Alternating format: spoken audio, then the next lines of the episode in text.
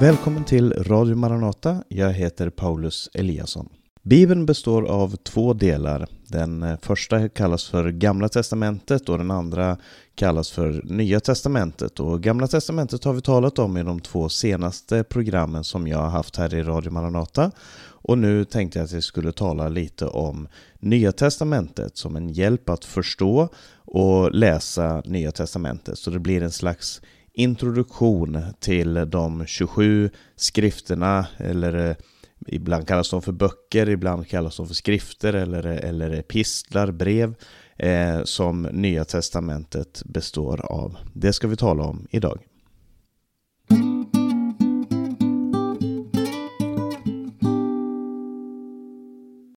Skrifterna i Nya Testamentet kan delas in i tre delar, tre huvuddelar. Det är dels evangelierna och apostlagärningarna, de fyra evangelierna och apostlagärningarna, som eh, kan kallas för de historiska böckerna. Sen är det breven, som är brev, det är brev från olika apostlar. Och till sist så är det Uppenbarelseboken som är i sin egen genre. Och de är också indelade så att evangelierna och apostlagärningarna kommer först, sedan kommer breven och till sist kommer Uppenbarelseboken. Eh, Gamla testamentet är skrivet under en period över ungefär tusen år eh, och sammanställt några hundra år före Kristus, medan Nya testamentet är skrivet under en mycket, mycket kortare period. Eh, den Eh, är skriven av Jesu närmaste och, och han, de första apostlarna och, ehm, och deras närmaste medarbetare. Och den är skriven under en period på ungefär 40 år. Det handlar om mellan eh, 50-60-talet och 100-talet efter Kristus. Och vi ska börja med att se på evangelierna.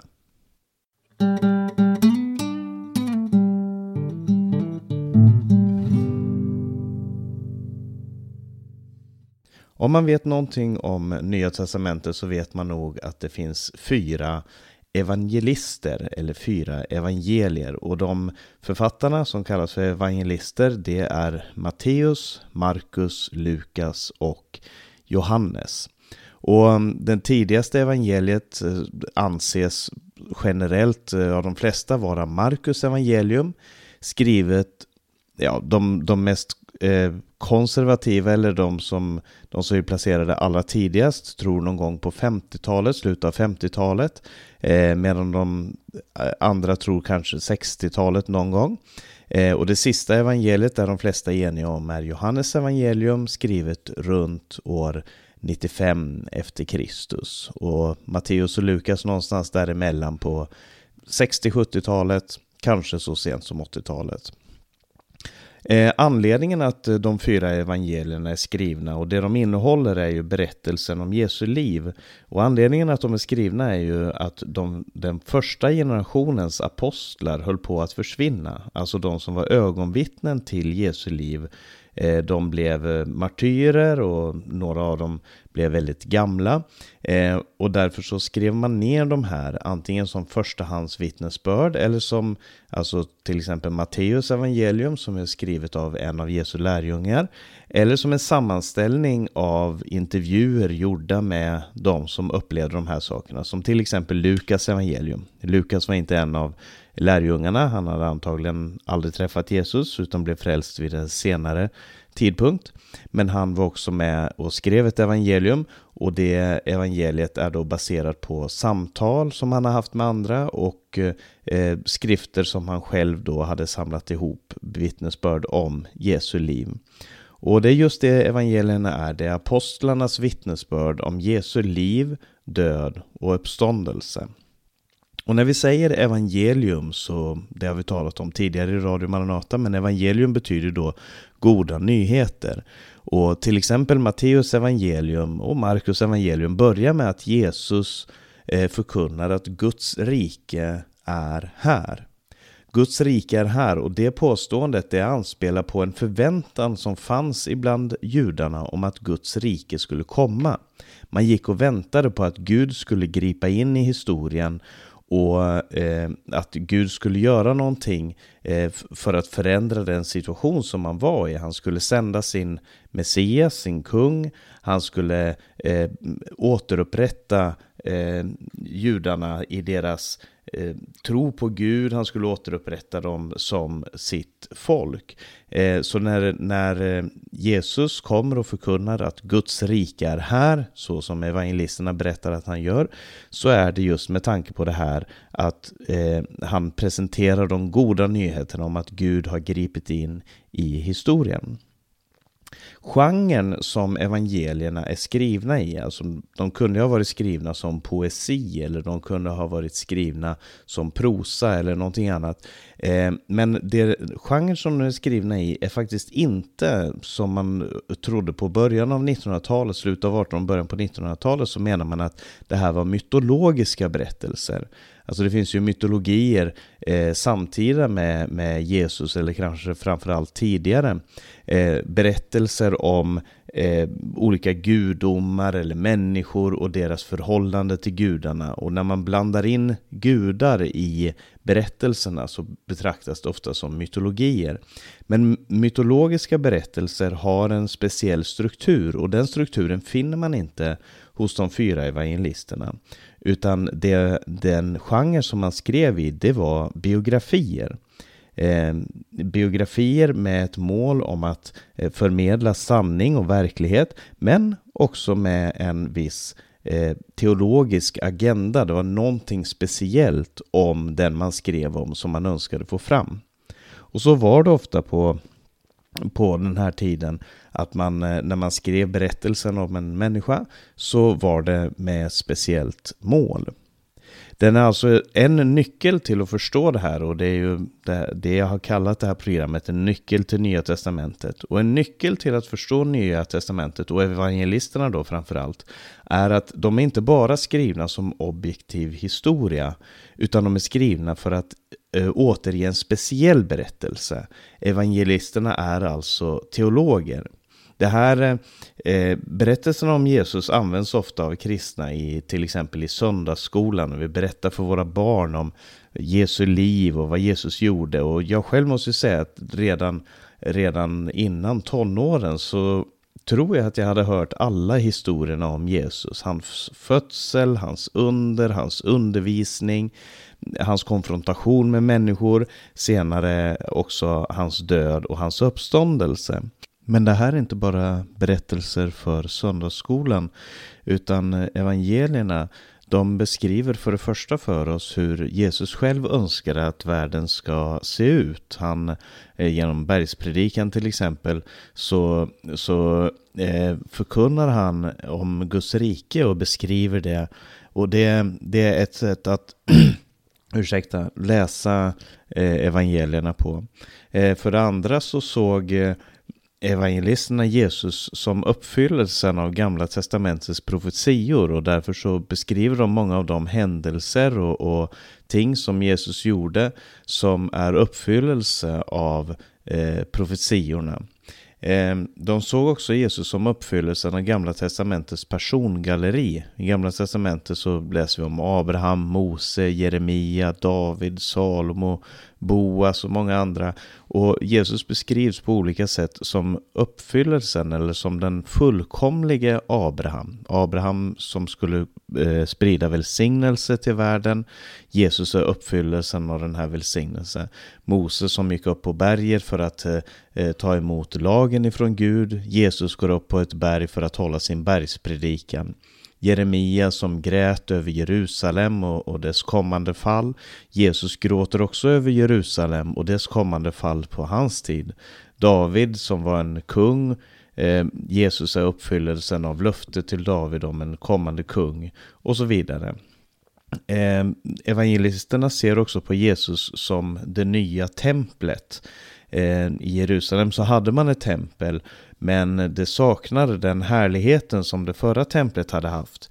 Men när Jesus kommer så säger Johannes i Johannes evangelium att Jesus var full av, av nåd och sanning och han var full av Guds härlighet. Eh, och Jesus går runt och gör saker som templet var tänkt att göra. Han helar människor. Han offrar, upp sig, han offrar sig själv, han förlåter människor. Och Jesus är då eh, beskriven som det nya templet. Och han är också beskriven som Gud mitt ibland oss. Att eh, Jesus uppfyllelsen av det löfte som Gud hade gett om att han själv skulle komma. Därför kallas Jesus i, eh, eh hos Matteus för Immanuel, Gud med oss. Så det är eh, olika roller som evangelierna spelar. Eh, en nyckel till eh, evangelierna är också det som vi kallar för passionshistorien. I slutet av alla evangelier så är berättelsen om Jesu död och uppståndelse. Och de händelserna som leder upp till, leder fram till eh, korsfästelsen, eh, de är också av väldigt stor vikt. De är knutna till den här historien och berättelsen om vad som hände på korset. Och eh, jag tror att man gör fel om man ser korset eh, eh, eller berättelsen i evangelierna bara som eh, historiska berättelser om vad som hände vid korsfästningen. Och, och sen så måste man gå till till exempel aposteln Paulus eller till Hebreerbrevet för att läsa om betydelsen av eh, Jesu korsfästelse. Eh, för att i, redan i evangelierna så är det helt klart att Matteus, Markus, Lukas och Johannes önskar att berätta någonting speciellt med den här korsfästelsen. Och det är framförallt berättelsen om kröningen av en kung. Eh, om man ser eh, en nyckel till passionshistorien, Jesu passionshistoria, är att se det som en, jag vet inte om man ska säga ironisk eller en, en eh, kontraintuitiv, men, men i alla fall en annorlunda kröning av en kung. Eh, I passionshistorien så ser vi också uppfyllelsen av profetian om den lidande tjänaren, eh, både i Eh, psalm 22 och Jesaja 53. Och på många andra platser så talas det om hur Herrens tjänare, den som han ska sända, ska lida för sitt folk. Och det finns många förebilder för det också i Gamla Testamentet, som till exempel Jobb, eh, kung David och så vidare. Människor som offrade sig själva för eh, sitt folk. Och sen naturligtvis en viktig del av passionshistorien är uppståndelsen, eh, uppståndelsens morgon. Och även om, om det här eh, utspelar sig bara över några få dagar så är det många kapitel i varje evangelium så är det flera kapitel som, som, eh, tar, som talar om Jesu korsfästelse, död, uppstånd, begravelse och uppståndelse och beskriver det ingående. Det är en stor nyckel till att förstå hela Nya Testamentet. Efter de fyra evangelierna så kommer också apostlärningarna. Och apostlärningarna har samma författare eh, som Lukasevangeliet, nämligen Lukas. Eh, och det är en uppföljare till hans evangelium. Den tar vid där evangeliet, när hans evangelium slutar. Eh, det är skrivet till samma person. Det är en Eh, namngiven person, Theophilus, eh, som kan vara en person, det kan också vara en eh, slags eh, generisk beteckning för hela församlingen. Teofilus betyder den som älskar Gud. Det kan vara att han skriver det till församlingen och antagligen så är alla de fyra evangelierna skrivna till församlingarna som, som en slags eh, ett minne över eh, Jesu, det Jesus hade gjort som en paktbok eller en förbundsbok för att förklara det nya förbundet i Jesu Kristi blod. Det är också därför som vi kallar det för det nya testamentet. Eh, och, och, Lukas han skriver då två delar i, sitt, eh, i sin berättelse. Och det första Lukas evangeliet och sen det vi kallar för apostlärningarna. Man skulle kanske lika gärna kunna kalla det för, eh, för den heliga andes gärning för att det är helt klart, eller den treenige gudens gärningar genom apostlarna. För att det är helt klart att eh, Lukas skriver om eh, hur Gud fortsätter att arbeta genom sin församling efter att Jesus har farit upp till himmelen. Och en nyckel till apostlagärningarna eh, som ju då är berättelsen om den tidiga församlingens historia. En nyckel till den texten är kapitel 1 och 2. Eh, lite överraskande kanske att den börjar med själva nyckeln till den. Men, men när man ser, när man läser kapitel 1 och 2 i, i Apostlagärningarna noga så ser man att Jesus, eh, det strax innan Jesus far till himlen, det sista han säger till dem. Eh, och där finns en befallning och en vision som Jesus har för hela världen. Och Jesu befallning är att de ska gå ut i Jerusalem, i Judeen, i Samarien och sen in till jordens ändar. Och med de fyra eh, faktorerna så kan man se att apostlagärningarna faktiskt är indelat efter det här. Först så är det församlingen i Jerusalem. Sen är det församlingen hur den når ut till hela Judeen och Samarien som ju då var, eh, ska man säga, om inte fienderna så i alla fall människor som, man, som judar vanligtvis höll sig borta ifrån. Och sen hur det här evangeliet exploderar, eh, når ut till, budskapet om, om Jesus når ut till hela världen. Apostlagärningarna handlar mycket om den heliga andens roll i församlingen och eh, heller inte den här historien är bara skriven som en historia utan den berättar en eh, vital del av vad, den, vad det kristna budskapet handlar om.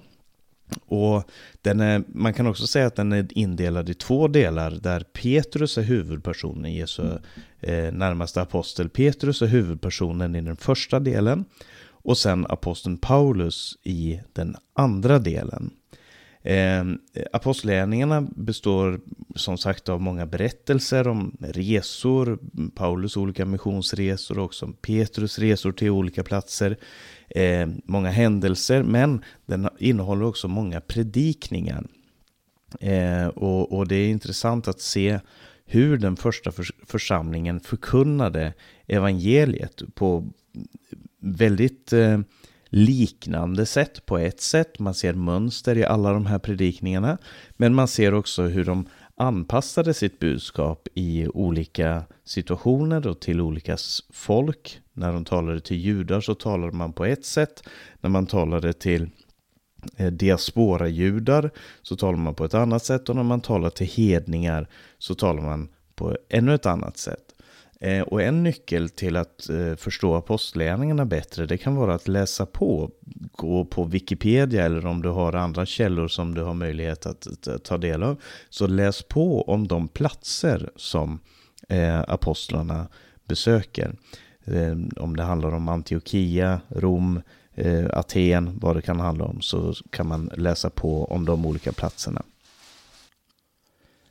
Och man kan se att Ehm, eh, både Petrus, Paulus och de andra, de, eh, så kan man se hur anden arbetar med den genom att de leds av anden, de hindras av anden i vissa situationer, de stärks av anden och de tröstas av anden. Så eh, apostlagärningarna, apostel det betyder ju en, en utsänd, någon som är, eh, det grekiska ordet betyder någon som är utsänd.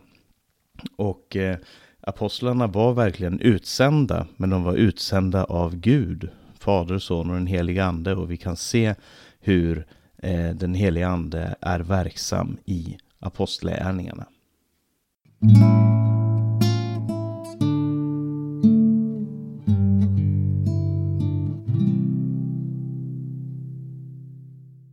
Sedan kommer vi till det som kallas för breven eller epistlarna.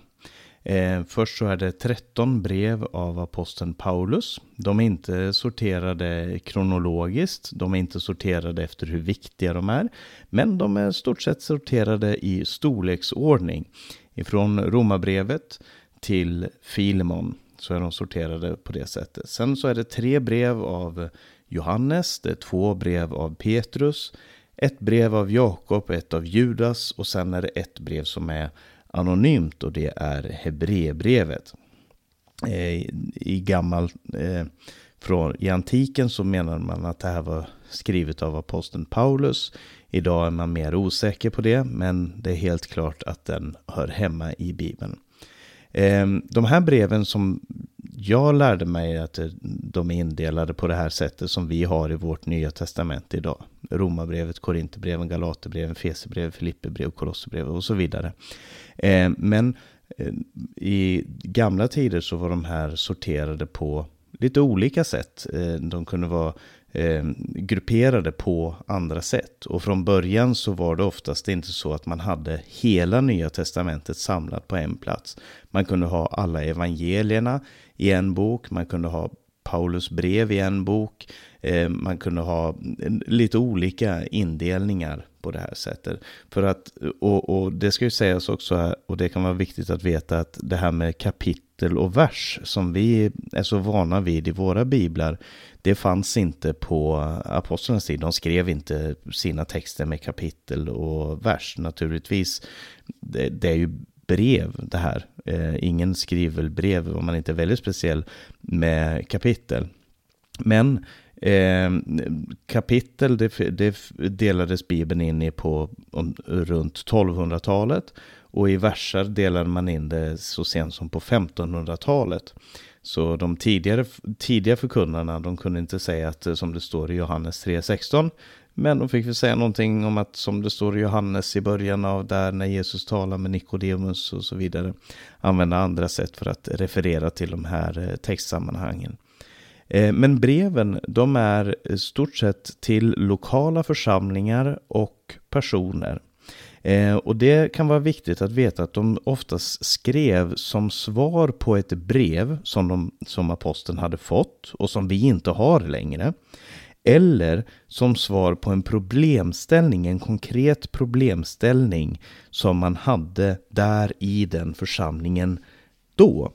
Eh, och en nyckel till, som man ska komma ihåg, en viktig sak att komma ihåg när man läser eh, Eh, Eh, breven, Paulus brev, Johannes, Petrus, Jakob, Judas och så. Det är att vi ser bara en sida av konversationen. Ursäkta. Eh, vi ser bara en sida av den här eh, det här samtalet. I första Korinthierbrevet till exempel så refererar Paulus till ett brev som de har skrivit till honom. Han säger när det gäller det som ni skrev om. Och vi vet ju inte hur det brevet såg ut. Och om jag skulle läsa ett, eller om du skulle läsa ett brev som jag har skrivit till någon, så, så är det otroligt viktigt med kontext. Och med kontext så menar jag eh, alltså vad, i vilket sammanhang skrevs det här?